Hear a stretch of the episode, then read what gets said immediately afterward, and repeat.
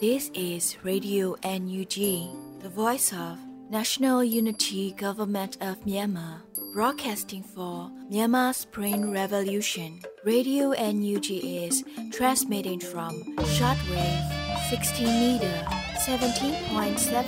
megahertz at 8:30 a.m. and 25 meter 11.94 megahertz at 8:30 p.m. Myanmar Standard Time. မင်္ဂလာပါရှင်။အမျိုးသားညီညွတ်ရေးအစိုးရရဲ့အတန်လွတ်ဌာန Radio NUG ကိုမန္တပိုင်း၈နိုင်ခွဲမှာလိုင်းတူ6မီတာ19.3ခွန်ကုန်းမဂါဟတ်စ်နဲ့ညပိုင်း၈နိုင်ခွဲမှာလိုင်းတူ25မီတာ17.3ကိုလီမဂါဟတ်စ်တို့မှာဓာတ်ရိုက်ဖမ်းယူနားဆင်နိုင်ပါပြီရှင်။မင်္ဂလာအပေါင်းနဲ့ပြည့်စုံကြပါစေ။အခုချိန်ကစပြီး Radio NUG စီစဉ်လေးကိုဓာတ်ရိုက်အတန်လွှင့်ပေးနေပါပြီ။ မြန်မာနိုင်ငံသူနိုင်ငံသားအပေါင်းတဘာဝပြီးဆရာနာရှင်ပြီးတို့ကနေကင်းဝေးပြီးကိုစိတ်နှစ်ပါးဘေးကင်းလုံခြုံကြပါစေလို့ရေဒီယိုညူးချီပွဲသားများကဆုတောင်းမြတ်တာပို့တာလိုက်ရပါတယ်။အခုချိန်ကစပြီးကာကွယ်ရေးဝန်ကြီးဌာနရဲ့စီရေးတည်င်းချင်းချုပ်ကိုတော့လွတ်လပ်နေဦးမှဖတ်ကြားတင်ပြပေးပါရမရှင်။အမျိုးသားညီညွတ်ရေးဆိုရ ကာကွယ်ရေးဝန်ကြီးဌာနရဲ့နေ့စဉ်စစ်ရေးတည်င်းအကျဉ်းချုပ်ကိုဖတ်ကြားပေးပါတော့မယ်။အကြမ်းဖက်စစ်ကောင်စီတပ်သား23ဦးသေဆုံးပြီးအကြမ်းဖက်စစ်ကောင်စီတပ်သား14ဦးထိဒဏ်ရာရရှိခဲ့တယ်လို့သိရှိရပါတယ်။အဆိုပါစစ်ကောင်စီနဲ့တိုက်ပွဲဖြစ်ပွားမှုတည်င်းများမှာကရင်နီကယားပြည်နယ်တွင်နိုဝင်ဘာလ23ရက်နေ့နေ့လယ်3နာရီခန့်ကလွိုင်ကော်မြို့နယ်လော့ပီတာမြို့ဘလူးချောင်းနီစစ်ကောင်စီခြေကုပ်စခန်းတစ်ခုဖြစ်တဲ့ လောထော်တောင်ပေါ်စခန်းအားရိတ်ခါပို့ရန်အတွက်လက်နက်အပြည့်စုံအရဝတ်ဖြစ်ထွက်လာသည့်စစ်ကောင်စီတပ်ဖွဲ့ဝင်9ဦးကို KNDF B10 က10မိနစ်ကြာတိုက်ခိုက်လိုက်ရာဗိုလ်ကြီးအဆင့်ရှိသူတဦးအပါဝင် စုစုပေါင်း3ဦးသေဆုံးပြီး MA1 တနတ်တက်လက်ကြည်ပေါက်၄ခုကြည်စံအချို့နဲ့ဖုံးတလုံးတို့အားသိမ်းဆည်းရရှိခဲ့ပါတယ်တိုက်ပွဲအတွင်းလောပီတာမြို့အခြေစိုက်စစ်ကောင်စီတပ်ကလက်နက်ကြီးများဖြင့်ပစ်ကူပေးခဲ့ကြောင်း သိရှိရပါတယ်။မွန်ပြည်နယ်တွင်နိုဝင်ဘာလ23ရက်နေ့နေ့လယ်တနင်္လာ18မိနစ်ခန့်ကကြိုက်မရောမြို့နယ်တောင်ကလေးကြီးရွာအုပ်စုလဘူကုန်းအစင်းတွင်6နှစ်ခွဘက်မှပြန်လာသောတပ်မ22လက်အောက်ခံမုတုံနဲ့မော်လမြိုင်ပူးပေါင်းတပ်ဖွဲ့စစ်ကောင်စီကားတစ်စီးအင်အား20ကျော်ပါကားကိုတော်လိုင်းအင်အားစုများမှမိုင်းဆွဲတိုက်ခိုက်ခဲ့ရာစစ်ကောင်စီ10ဦးထပ်မံတေဆုံးပြီး3ဦးမှာရေးပေါ်ရင်ဖြင့်မော်လမြိုင်ဆေးရုံသို့ပို့ဆောင်ခဲ့ရပါတယ်။မကွေးတိုင်းတွင် နိုဝင်ဘာလ23ရက်နေ့ညနေ9:30မိနစ်ခန့်ကမြိုင်မြို့နယ်ကံကလေးရွာမှအကြမ်းဖက်မိရှို့ပြီးထွက်လာသောစစ်ကောင်စီဖောကားတစ်စီးကားသေးတစ်စီးဆိုင်ကယ်နှစ်စီးနဲ့တူချီလင်တပ်သားတချို့အပါအဝင်စုစုပေါင်းအင်အား60ခန့်ရှိသောပခုတ်ကူတပ်မှ101အခြေဆိုင်တပ်သားတချို့နဲ့ပြူစောထီပူပေါင်းစစ်ကြောင်းကိုကံကလေးရွာနောက်ဘက်3ဖာလုံအခန့်အကွာတုတ်တန်ကုန်းတစ်ခုအနီးတွင်မြိုင်ပကဖတပ်ရင်1စက်ကြာကာကွယ်ရေးတပ်ဖွဲ့နှင့် MUGDF တပ်ဖွဲ့တို့ပူးပေါင်းကမိုင်းဆွဲတိုက်ခိုက်ခဲ့ပါတယ်။တိုက်ပွဲတွင်စစ်ကောင်စီစစ်ကြောင်းမှုတအူတရက်ကန်ကြေးရွာမှပြူစောတိခေါင်းဆောင်တဦးတို့အပါအဝင်စစ်စုပေါင်းစစ်ကောင်စီတပ်သား9ဦးအထိတေဆုံးက10ဦးခန့်တန်ရာရရှိခဲ့ကြပါတယ်။တေဆုံးသွားသောစစ်ကောင်စီနှင့်ပြူစောတိများရဲ့အလောင်းများကိုဖောကားဖြင့်တင်ဆောင်ကတရက်ကန်ကြေးရွာသို့ပြန်လည်ဝင်ရောက်သွားခဲ့ပြီးဒဏ်ရာရသူတို့ချို့အားပခုတ်ကူဆေးရုံကြီးသို့ခေါ်ဆောင်သွားခဲ့ကြောင်းသိရပါတယ်။ နိုဝင်ဘာလ23ရက်နေ့နေ့လယ်3:30မိနစ်ခန့်ကရေစကြိုမြို့နယ်စစ်ကောင်စီတပ်သားနဲ့ပြူစောတိပူးပေါင်းအင်အား40ခန့်အထိုင်ချလုံခြုံရေးပေးကရေစကြိုပြူစောတိကောင်းဆောင်ဝင်းမြောင်အပါဝင်ဒဏ်ရာရရှိသူစစ်ကောင်စီတပ်သားစစ်ကောင်စီဗိုလ်ဆင့်ရှိသူများအားဆေးကုပေးနေရရေစကြိုပြည်သူစေယုံကိုရေစကြိုပကဖနဲ့ဒေသခံကာကွယ်ရေးမဟာမိတ်ပူးပေါင်းတပ်ဖွဲ့များဝင်ရောက်တိုက်ခိုက်ခဲ့တာကြောင့်စစ်ကောင်စီလုံခြုံရေးတပ်သား2ဦးသေဆုံးပြီး တအူးမှာထိခိုက်ဒဏ်ရာရရှိခဲ့ကစစ်ကောင်စီတပ်သားနဲ့ပြူစောတိများစွာဒဏ်ရာပြင်းထန်စွာရရှိခဲ့ကြောင်းသိရှိရပါတယ်ခင်ဗျာမန္တလေးတိုင်းမှာနိုဝင်ဘာလ23ရက်နေ့ည9နာရီခန့်ကမတရားမြို့နယ်မန္တလေးမတရားကားလမ်းမန္တလေးမြို့အထွက်စစ်ကောင်စီအင်အား30ခန့်ရှိသောရွှေကျင်တိုးကဲအားပသိမ်ကြီးပကဖ G6 Stars မြို့ပြပျောက်ကြားတပ်ဖွဲ့နဲ့ BRA MRTF မဟာမိတ်တပ်ပေါင်းစုတို့မှပူးပေါင်း၍ပြစ်ခတ်တိုက်ခိုက်လိုက်ရာစစ်ကောင်စီတပ်သား3ဦးသေဆုံးခဲ့ပြီးထိခိုက်ဒဏ်ရာရရှိသူများပြားတယ်လို့သိရပါတယ်။နိုဝင်ဘာလ23ရက်နေ့ည10:00နာရီခန့်ကမြင်းချံမြို့နယ်ကြည်ရွာတွင်တပ်ဆွဲထားသောစစ်ကောင်စီများအားမြင်းချံခရိုင်တပ်ရင်းမဟာမိတ်ညီနောင်များမှဝင်ရောက်ပစ်ခတ်ခဲ့ပြီးစစ်ကောင်စီများနေသောနေရာကိုပါမိရှုခဲ့ကြောင်းသိရှိရပါတယ်။တနင်္သာရီတိုင်းတွင်နိုဝင်ဘာလ23ရက်နေ့မနက်10:09မိနစ်ခန့်က ပလောမြို့နယ်ကဒဲရွာသို့စစ်ကောင်စီအင်အား90ခန့်ဝင်ရောက်လာပြီးတော်လိုင်းအင်အားစုများနဲ့ထိတွေ့မှုဖြစ်ပွားခဲ့ပါတယ်။ရန်ကုန်တိုင်းမှာနိုဝင်ဘာလ23ရက်နေ့ည9:25မိနစ်ခန့်ကလှိုင်မြို့နယ်9ရပ်ကွက်ကမာရွတ်ဘူဒါယုံနီးတွင် လုံခြုံရေးယူထားသောလှည့်ကင်းကားကိုအမည်မသိအဖွဲ့ကပောက်ကွဲတိုက်ခိုက်ခဲ့ရာကားမိလောင်ခဲ့ပြီးစစ်ကောင်စီတပ်သား2ဦးဒဏ်ရာရရှိခဲ့ကာစစ်ကောင်စီတပ်သားများကပြန်လည်ပစ်ခတ်ခဲ့တာကြောင့် ပြည်သူတို့ကတော့တနတ်ဒဏ်ရာများရရှိခဲ့တယ်လို့သိရပါတယ်။ဆက်လက်ပြီးစစ်ကောင်စီကျူးလွန်ခဲ့သောရာဇဝတ်မှုများကိုတင်ပြရရင်ကချင်ပြည်နယ်တွင်နိုဝင်ဘာလ23ရက်နေ့မနက်8နာရီခန့်ကမုံမောင်မြို့နယ်ကြခန့်တက်ကြေးရွာမှအသက်40ကျော်ဆယ်အိမ်မှုဦးကြံမာယောအားစစ်ကောင်စီတပ်သားများမှ၎င်း၏နေအိမ်တွင် လာရောက်ဖမ်းဆီးသွားကြောင်းသိရပါတယ်။မွန်ပြည်နယ်တွင်နိုဝင်ဘာလ23ရက်နေ့နေ့လယ်ပိုင်းကကြိုက်မရောမြို့နယ်တောင်ကလေးကြေးရွာနှင့် ကြောက်ကွဲကြေးရွာကြားလက်ပူကုန်းနေရာတွင်စစ်ကောင်စီတပ်သားများလိုက်ပါလာသည့်အင်အား30ခန့်ပါကားပေါ်ကရန်တမ်းပစ်ခတ်ခဲ့တာကြောင့်ဆိုင်ကယ်မောင်းနှင်နေတဲ့အသက်82နှစ်အရွယ်အဖိုးအိုမှာကြည်သုံးချက်ထိမှန်ခဲ့ပြီးဒေသခံများကနိစရာဆေးရုံတို့ပို့ဆောင်ပေးထားပြီးအသက်အန္တရာယ်စိုးရိမ်ရတဲ့အခြေအနေရှိခဲ့ကြောင်းသိရပါတယ်။မကွေးတိုင်းမှာနိုဝင်ဘာလ23ရက်နေ့နနက်ပိုင်းကရေစကြိုမြို့နယ်ရေလဲကျွန်းဒေသရှိအိမ်ချီ900ခန့်ရှိရွှေလန့်ကြီးရွာသို့ စစ်ကောင်စီများစစ်ကြောင်းထိုးဝင်ရောက်ခဲ့ပြီးအကြမ်းဖက်မိရှို့ဖျက်ဆီးခဲ့တာကြောင့်ပြည်သူပိုင်နေအိမ်100ခန့်မိလောင်ပြကြခဲ့ကြောင်းသိရပါတယ်။ရန်ကုန်တိုင်းမှာတော့နိုဝင်ဘာလ14ရက်နေ့မနက်7:30မိနစ်ခန့်ကကမာရွတ်မြို့နယ်ခိုင်ရွှေဝါမှတ်တိုင်နီးစစ်ကောင်စီကားတစ်စီးနဲ့ရဲကားတစ်စီးက Time City ဘက်မှလာသောကားတစ်စီးကိုတား၍ကားတစ်စီးနဲ့လူနှစ်ဦးကိုရိုက်နှက်ဖမ်းဆီးခဲ့ကြောင်းသိရှိရပါတယ်ခင်ဗျာတောတာရှင်များခင်ဗျာအခုတင်ပြပေးခဲ့တဲ့သတင်းတွေကိုမြေပြင်သတင်းတာဝန်ခံများနဲ့ ခိုင်လုံသောသတင်းရင်းမြစ်များမှအခြေခံပြုစုထားခြင်းဖြစ်ပါတယ်ခင်ဗျာ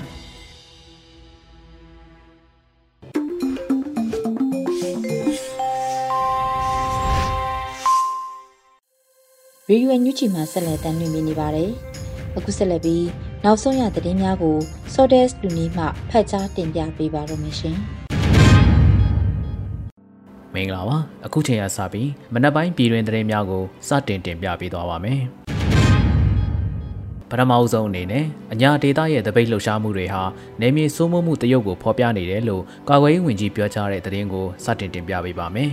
အညာဒေတာရဲ့တပိတ်လှုပ်ရှားမှုတွေဟာနေမြေစိုးမိုးမှုတရုပ်ကိုဖော်ပြနေတယ်လို့ကာကွယ်ရေးဝန်ကြီးဦးရင်မွန်ကပြောကြားခဲ့ပါတယ်နိုဝင်ဘာလ14ရက်နေ့ကကျင်းပခဲ့တဲ့ပြည်သူတွေပါဝင်တိုက်ခိုက်နေတဲ့အဆုံးဖြတ်ခေါ်မဲ့တွန်းလှန်စစ်ပွဲစကားဝိုင်းမှာကာကွယ်ရေးဝန်ကြီးကအဖွင့်မိန့်ခွန်းပြောကြားခဲ့ပါတယ်။ အကြမ်းဖက်ဖိနှိပ်မှုတွေရှိနေပေမဲ့တပိတ်လှုပ်ရှားမှုတွေဟာအလံမလဲရှိနေဆဲဖြစ်ပါတယ်။မြို့ပြပျောက်ကြားတပိတ်လှုပ်ရှားမှုတွေဟာယနေ့ထိတိုင်တွေ့နေရပါတယ်။အညာဒေတာမှာဆိုရင်လူထောင်ချီပြီးတပိတ်လှုပ်ရှားမှုဟာပြည်သူတော်လှန်ရေးရဲ့နယ်မြေစိုးမိုးမှုကိုတရုပ်ဖော်ပြသပါတယ်လို့ဆိုထားပါတယ်။ လက်ရှိမှာအမျိုးသားညီညွတ်ရေးဆိုရဟာပြည်သူခုခံတွန်းလှန်စေရဲ့လာမယ့်နှစ်တစ်နှစ်တာစီမံချက်ကိုရေးဆွဲကောင်းထဲဖော်ဆောင်နေပြီးတော့ပကတိအရှိတရားကိုဖော်ထုတ်ရေးဆွဲထားတဲ့စီမံချက်လည်းဖြစ်တယ်လို့ကာဝေးဝင်ကြီးဌာနကဆိုထားကြောင်းတင်ရရှိပါရခင်ဗျာအခုဆက်လက်တင်ပြပေးမှာကတော့အကြမ်းဖက်စစ်ကောင်စီရဲ့အသင်းဖွဲ့ဥပဒေဟာရာဇဝတ်မှုတက်ပြီးအရေးယူနိုင်မှုအတွက်တမင်တက်တက်ပြဋ္ဌာန်းလိုက်တဲ့မတရားကြေညာချက်ဖြစ်တယ်လို့လူခွင့်ရေးရာဝန်ကြီးပြောကြားလိုက်တဲ့သတင်းပဲဖြစ်ပါတယ်။ အကြမ်းဖက်စစ်ကောင်စီရဲ့အသင်းအဖွဲ့ဥပဒေဟာရာဇဝတ်မှုတက်ပြီးအရေးယူနိုင်ဖို့အတွက်တမင်တက်တက်ပြဋ္ဌာန်းလိုက်တဲ့မတရားကြေညာချက်ဖြစ်တယ်လို့လူခွင့်ရေးရာဝန်ကြီးဦးအောင်မျိုးမင်းကပြောကြားခဲ့ပါတယ်။အကြမ်းဖက်စစ်ကောင်စီရဲ့အသင်းအဖွဲ့မှတ်ပုံတင်ဥပဒေအပေါ်ပြည်ထောင်စုဝန်ကြီးဦးအောင်မျိုးမင်းရဲ့မှတ်ချက်ကိုနိုဝင်ဘာလ14ရက်နေ့မှာဝန်ကြီးဌာနကဖော်ပြပေးလိုက်တာပဲဖြစ်ပါတယ်။အခုပြဋ္ဌာန်းတဲ့အသင်းအဖွဲ့မှတ်ပုံတင်ဥပဒေကိစ္စကတော့ဘာကိစ္စလှုပ်လှုပ်လှုပ်ဆောင်မဲ့အဖွဲ့အစည်းအားလုံးကိုတင်းကျပ်ထိန်းချုပ်ပြီးအပြစ်ပေးဖို့ရည်ရွယ်တာပါပဲ။ အသင်းအဖွဲ့တွေလွတ်လပ်လပ်လုပ်နိုင်ဖို့အဲ့ဒီလိုမျိုးမဟုတ်ပဲအသင်းအဖွဲ့တွေရဲ့လုပ်ရက်ကိုထိန်းချုပ်မယ်တစ်ချိန်တည်းမှာပဲဒီမိုကရေစီရေးနဲ့ပတ်သက်ပြီးလှုပ်ဆောင်နေတဲ့အဖွဲ့တွေလူသားချင်းစာနာမှုအကူအညီလှုပ်ဆောင်ပေးနေတဲ့အဖွဲ့အစည်းတွေကိုရာဇဝတ်မှုတက်ပြီးအရေးယူနိုင်မှုအတွက်တမင်သက်သက်ပြဋ္ဌာန်းလိုက်တဲ့ဗတရားကြေညာချက်ပဲဖြစ်ပါတယ်။ဥပဒေလို့တောင်ပြောလို့မရပါဘူးလို့ဆိုထားပါတယ်။လက်ရှိမှာလည်းအကြံဖက်စစ်ကောင်စီဟာလူမှုရေးအသင်းဖွဲ့များနဲ့အရက်ဖွဲ့အဖွဲ့အစည်းများကိုလိုတလိုကောင်းစဉ်တက်ဖမ်းဆီးမှုများရှိနေကြောင်းသိရရှိပါရခင်ဗျာ။ NUG ပေးမှာဈေးကွက်အတွင်းတတန်းပေါင်း4500နဲ့လဲပတ်နေတဲ့သတင်းကိုဆက်လက်တင်ပြပေးပါမယ်။ NUG ပေးမှဈေးကွက်အတွင်းတန်းပေါင်း4500နဲ့လဲပတ်နေတယ်လို့သတင်းရရှိပါရယ်။ထို့သတင်းကိုတော့နိုဝင်ဘာလ14ရက်နေ့မှာ NUG ပေးရဲ့အစည်းအဝေးခန်းစာအရအသိပေးဖော်ပြထားခြင်းဖြစ်ပါတယ်။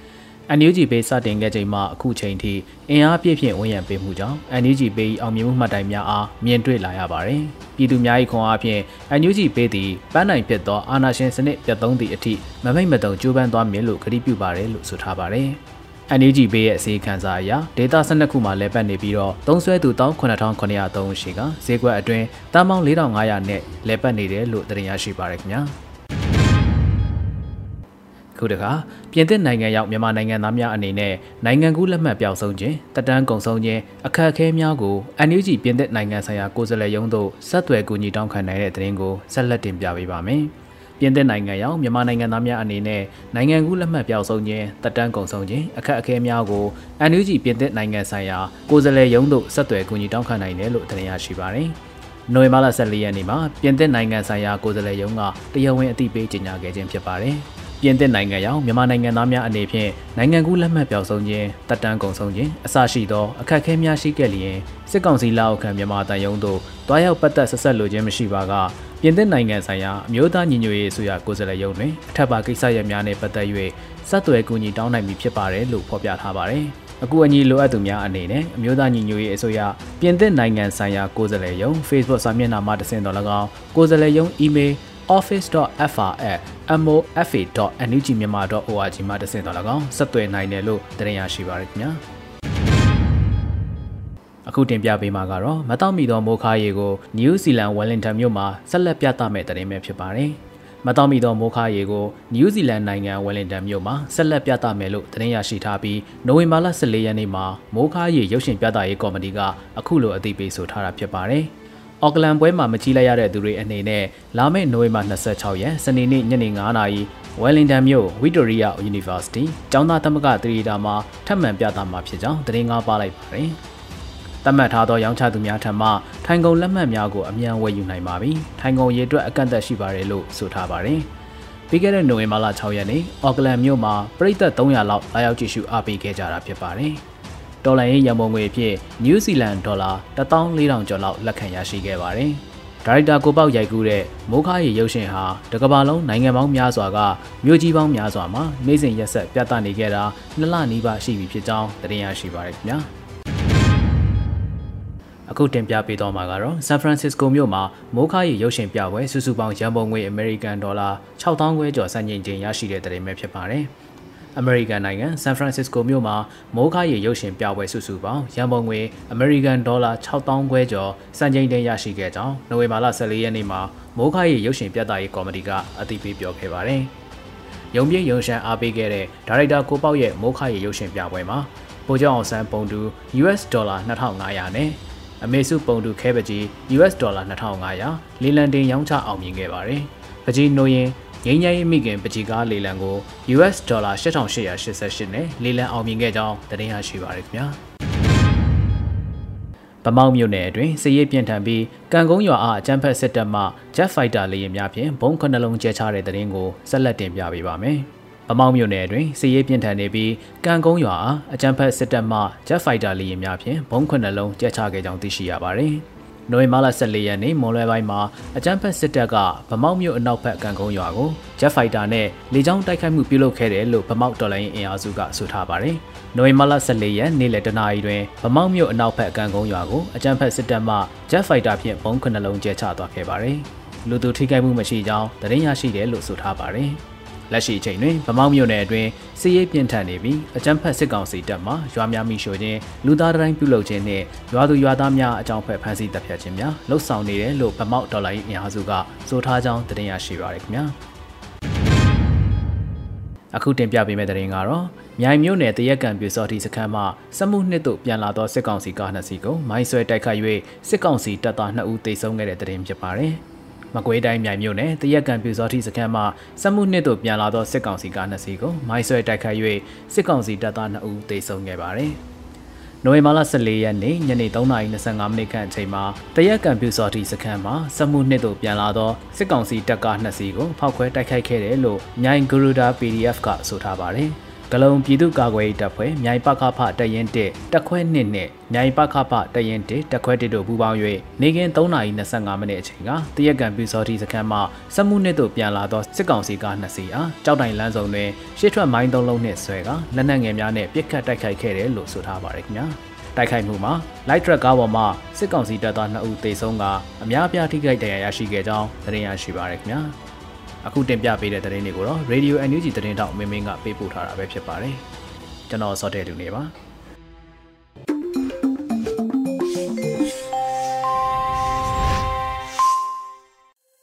ရေဒီယိုညူချီရဲ့မနက်ခင်းစီစဉ်တွေကိုဆက်လက်တင်ပြနေပါတယ်။အခုတခါတော်လှန်ရေးကြပြအစီအစဉ်မှာတော့နိုင်မွန်အောင်တွင်ရေးသားပြီးရွေဦးမှုရွတ်ဖတ်ထားတဲ့ကိုအိမ်ချစ်လို့အမည်ရတဲ့တော်လှန်ရေးကြပြကိုနားဆင်ကြရတော့မှာဖြစ်ပါတယ်ရှင်။ ကိုအိမ်ချစ်လမ်းတွေဘလို့ကောက်ကွေးအိမ်စီကိုတော့ဖြောင်းနေတာပဲနတ်တွေဝှက်ထားလို့မရတဲ့ပင်လေစัจ java လာတယ်ငါဟာမမြင်တွေ့နိုင်လောက်တဲ့အဆက်ကလေးအဲ့ဒီအဆက်ကလေးကိုပဲရဲရဲဆက်ဆက်လွမ်းနေကြတဲ့သူတွေရှိရာငါတို့အိမ်ငါပြန်ခဲ့မယ်နှစ်တန်းတစ်ထောင်ကြာလဲ ငါပြန်လာခဲ့ပါမယ်စัจ java လာကြီးတဲ့နောက်ထပ်စัจ java လာအသက်တွေဘယ်လောက်ပဲရှိရှိတကားခောက်တန်ကိုတဲဆောင်လာသူလေညင်းလေးလေလွင့်နေတဲ့နှလုံးသားကိုပကုံးဖတ်ခေါ်လာခဲ့ပေးပါငါဟာပင်လေငါဟာမမြင်တွေ့နိုင်လောက်အောင်သေးငယ်လှတဲ့အဆက်ကလေးငါဟာနှစ်တန်းပေါင်းတစ်ထောင် ငါဟာတကားခောက်တန်ကိုတဲဆောင်လာသူလေညင်းလေးနတ်ဆိုးမိတ်စာတို့အကွဲပြူကြကြချင်းအိမ်လေကားရင်မှာရောက်နေနေပြီးသားဖြစ်စေရမယ်ငါအရင်စေဘဝစက်ကပါကလေးကထာဝရကိုအင်ချေနိုင်မောအောင်တွင်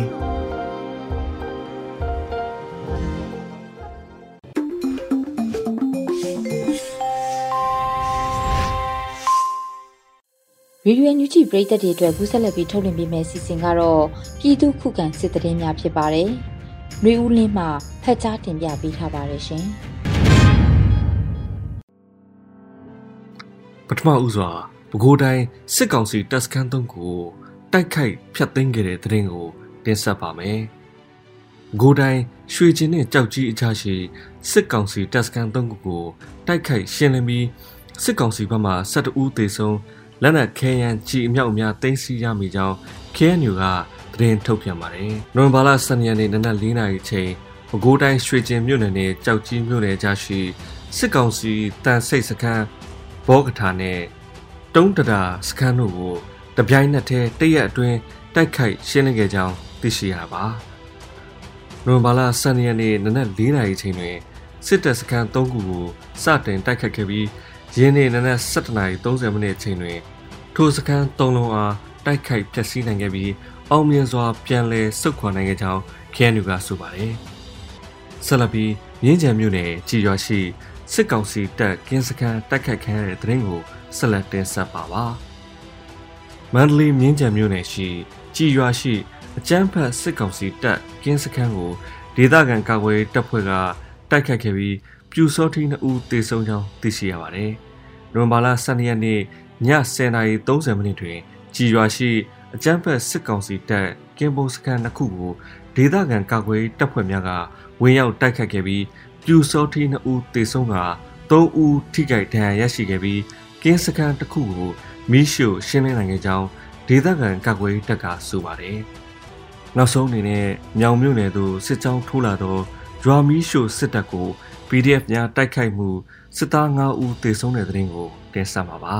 ။စကိုင်းတိုင်းမြောင်မြို့နယ်သို့စစ်ကြောင်းထိုးလာသောဂျွာမီရှို့စစ်တပ်ကို PDF များတိုက်ခိုက်မှုစစ်သား9ဦးသေဆုံးကြောင်း PDF မဟာမိတ်တပ်များကသတင်းထုတ်ပြန်ပါတယ်။နိုဝင်ဘာလ23ရက်နေ့မကွေးတိုင်းရေစကြိုမြို့မှာစကိုင်းတိုင်းမြောင်နယ်သို့စစ်ကြောင်းထိုးလာသောအကြမ်းဖက်စစ်တပ်ကို PDF တပ်များကလမ်းမှာဖျက်၍တိုက်ခိုက်ရာ တိုက်ပွဲမိနစ်30ခန့်ဖြစ်ပွားပြီးစစ်သား9ဦးသေဆုံးခြင်းဖြစ်သည်ဟု Burmese Guerrilla Force BGF မြိုင်အဖွဲ့ကသတင်းထုတ်ပြန်ထားတာပါ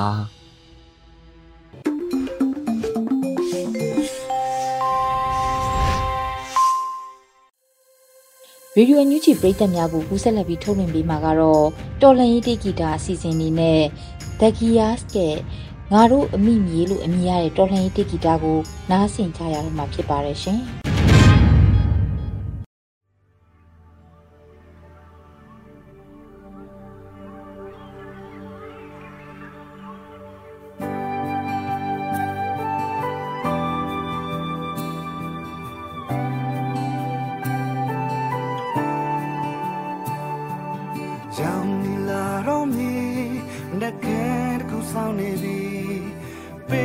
ခဲ့သမျှမင်းရဲ့ကြောင်းတွေကဘာမှမောကွန်တီသူရှောင်းမရောက်မဲ့ခင်တချို့လက်ဆောင်လို့ပြီးညလင်းချက်ခုနဲ့ဝဲခဲ့တော့လေဆန်လာခဲ့ပြီအိမ်မဲ့တွေလက်ကြမ်းမာလေကိုယ်တိုင်သူစမဲရဲရဲလက်တွေ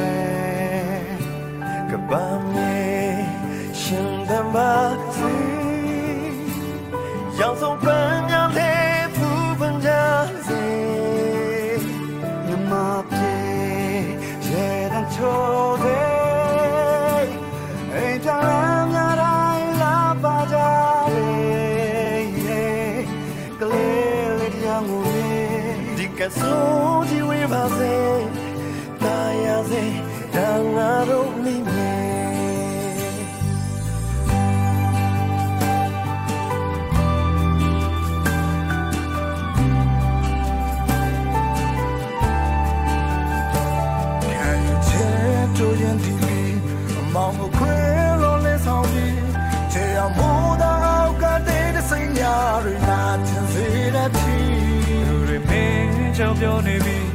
မှန်တရားနဲ့တမိုင်းကိုချီမင်းရှောက်ခဲ့တဲ့လမ်းကသာပြီးယူရောက်နာခဲ့စီ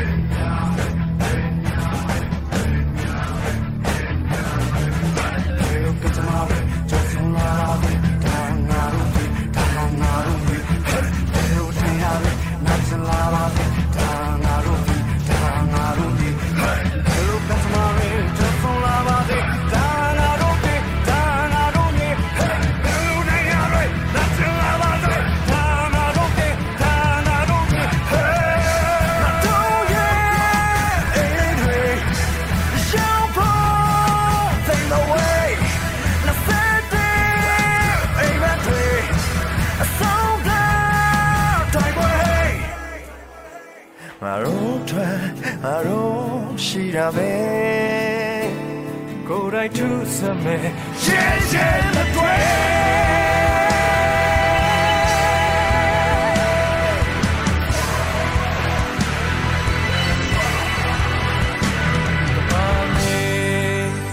怎？要走半秒的不会扎嘴。马匹也单秋。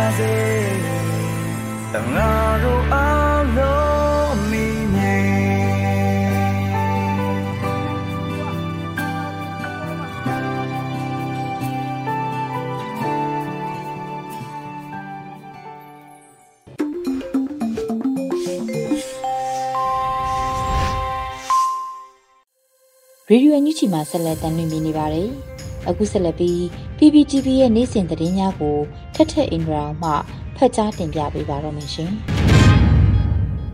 အခုချိန်ကစပြီး PVTV သတင်းတွေကိုတင်ဆက်ပေးတော့မှာပါကျွန်မထထအင်ဒရာအောင်ပါပထမဆုံးတင်ဆက်ပေးမယ့်သတင်းကတော့ကချင်ဒေသမှာပြည်သူရင်ဝင်ခုတ်လုံလာတဲ့စစ်မှုထမ်းနဲ့ရဲဝင်တဲ့900ကျော်ရှိတဲ့ဆိုတဲ့သတင်းမှာ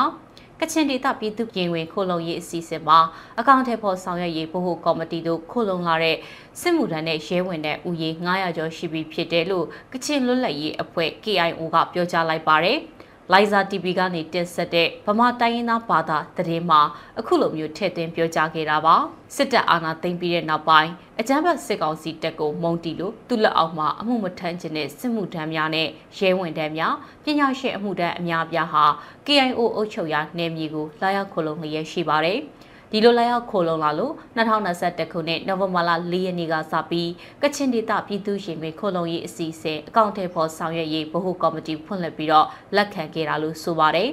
ပြည်သူ့ရင်တွင်ခိုလုံလာသူတွေကိုလုံခြုံတဲ့နေရာတွေမှာထားရှိကြောင်းအော်တိုဘာလအထိလာရောက်ခိုလုံသူ900ကျော်ရှိပြီးတော့ သူတို့ကိုချီးမြှင့်ငွေတွေနဲ့အလုပ်နေရာပေးခြင်းများလှုပ်ဆောင်ခဲ့ကြောင်းကချင်ဒေသပြည်သူ့ရင်ဝင်ခိုလုံရေးအစီအစဉ်အကောင့်ထဲပေါ်ဆောင်ရွက်ရေးဗဟိုကော်မတီတာဝန်ရှိသူရဲ့ပြောကြားချက်ကိုကိုးကားပြီးတော့လိုင်ဇာ TV ကဖော်ပြခဲ့တာပါတခြားဒေသအသီးသီးမှာလည်းစစ်ကောင်စစ်တပ်ကရုံထွက်ပြီးပြည်သူ့ရင်ဝင်ခုလုံနဲ့စစ်သားနဲ့ရဲများစွာရှိပြီးတော့တော်လှန်ရေးမှာပါဝင်ကစစ်ကောင်စီတပ်ကိုပြန်လည်တိုက်ခိုက်နေသူတွေလည်းရှိပါတယ်။ ဆလတ်တင်ဆက်ပေးမှာကတော့ညောင်လေးပင်ခရိုင်ကအကြမ်းဖက်စစ်တပ်စခန်း၃ခုကိုတိုက်ခိုက်ဖျက်ဆီးရမှာအကြမ်းဖက်စစ်တပ်အဖွဲ့ဝင်၁၁ဦးသေဆုံးပြီးလက်နက်မျိုးစုံနဲ့ကြီးနဲ့ခရမ်းများစွာရရှိခဲ့တယ်လို့ KNU ထုတ်ပြန်လိုက်တဲ့သတင်းမှာ KNU ကော်တူလေးအုပ်ချုပ်နေမြေညောင်လေးပင်ခရိုင်တက်မဟာ3နေမြေအတွင်းမှာရှိတဲ့အာနာသိန်းအကြံဖက်စစ်တပ်စခန်း3ခုကိုတရက်အတွင်းတိုက်ခိုက်ဖျက်ဆီးခဲ့ကြောင်း KNU ကဒီကနေ့ထုတ်ပြန်ပါတယ်။နိုဝင်ဘာလ12ရက်မနက်အစောပိုင်းမှာ KNU မျိုးသားလွတ်မြောက်ရေးတပ်မတော် KNL တရင်ခုနှစ်နဲ့တရင်ကိုတို့ဟာတန်စိတ်စခန်းဘောဂထာနဲ့တုံးတရာစခန်းတို့အားတိုက်ခိုက်ဖျက်ဆီးခဲ့ပြီးစစ်ကောင်စီတပ်က17ဦးသေဆုံးကလက်နက်ခဲယမ်းများစွာရရှိခဲ့ကြောင်းဖော်ပြထားပါတယ်။ တန်စိတ်စခန်းနဲ့ဘောဂရာစခန်းတို့အား KNL ရဲ့မြေပြင်တပ်ဖွဲ့တွေကတိုက်ခိုက်ချေမှုန်းဖျက်ဆီးခဲ့တာဖြစ်ပြီးတော့တုံးတက်ကစခန်းကိုတိုက်ခိုက်ရေးသုံး drone တွေနဲ့တိုက်ခိုက်ဖျက်ဆီးခဲ့တာလို့အသိပေးထားပါတယ်။တိုက်ပွဲမှာအကြမ်းဖက်စစ်တပ်ရဲ့လက်နက်ကြီးလက်နက်ငယ်မျိုးစုံနဲ့ကြီးနဲ့ခဲရဲများစွာရရှိခဲ့တယ်လို့ဓာတ်ပုံတွေနဲ့အတူဖော်ပြထားပါတယ်။စခန်းဒီအားရှင်းလင်းစဉ်အချိန်တွင်းမှာအကြမ်းဖက်စစ်တပ်ကလေကြောင်းနဲ့အချိန်20ခန့်တိုက်ခိုက်ခဲ့တဲ့အတွက်စခန်းအတွင်းကပစ္စည်းတွေအကုန်မယူနိုင်ခဲ့ဘူးလို့ဆိုပါတယ်။ ညောင်လေးပင်ခရိုင်တပ်မဟာ3နယ်မြေမှာအာဏာသိမ်းပြီးတဲ့နောက်တိုက်ပွဲ382ကြိမ်ဖြစ်ပွားခဲ့ရာအကြမ်းဖက်စစ်ကောင်စီတပ်က480ဦးသေဆုံးပြီး220ဦးဒဏ်ရာရရှိခဲ့တယ်လို့ဆိုပါတယ်။ဒါ့အပြင်ယခုနှစ်ဧပြီလကစတင်ပြီးတိုက်ခိုက်ရေးသုံး drone တွေနဲ့လေကြောင်းကနေစတင်တိုက်ခိုက်ခဲ့ရာယနေ့အချိန်ထိတိုက်ခိုက်မှုပေါင်း64ကြိမ်ပြုလုပ်ခဲ့ပြီးအကြမ်းဖက်စစ်ကောင်စီတပ်က80ဦးသေဆုံးက46ဦးဒဏ်ရာရကြောင်းဖော်ပြထားပါတယ်။ကျေးဇူးတင်ပါတယ်ရှင်။ ဒီကနေ့ကတော့ဒီညနေပဲ Radio NUG ရဲ့အစီအစဉ်လေးကိုခေတ္တရ延လိုက်ပါမယ်ရှင်မြန်မာစံတော်ချိန်မနေ့၈နိုင်ခွဲနဲ့ည၈နိုင်ခွဲအချိန်တွေမှာပြောင်းလဲဆိုပြကြပါလို့ရှင် Radio NUG ကိုမနေ့ပိုင်း၈နိုင်ခွဲမှာလိုင်းတူ16မီတာ19.7ခုခုမဂါဟတ်နဲ့ညပိုင်း၈နိုင်ခွဲမှာလိုင်းတူ25မီတာ17.6မဂါဟတ်တို့မှာ ဓာတ်ရိုက်ဖမ်းယူနားဆင်နိုင်ပါပြီရှင်။မြန်မာနိုင်ငံသူနိုင်ငံသားများကိုစိတ်နှဖျားစမ်းမချမ်းသာလို့ဘေးကင်းလုံခြုံကြပါစေလို့ Radio NUG ရဲ့ဖွဲ့သူဖွဲ့သားများကဆုတောင်းလိုက်ရပါတယ်။ San Francisco Bay Area အခြေဆိုင်မြန်မာမိသားစုများနိုင်ငံတကာကစေတနာရှင်များလို့အားပေးများရဲ့ Radio NUG ဖြစ်ပါတယ်ရှင်။အရေးတော်ပုံအောင်ရမည်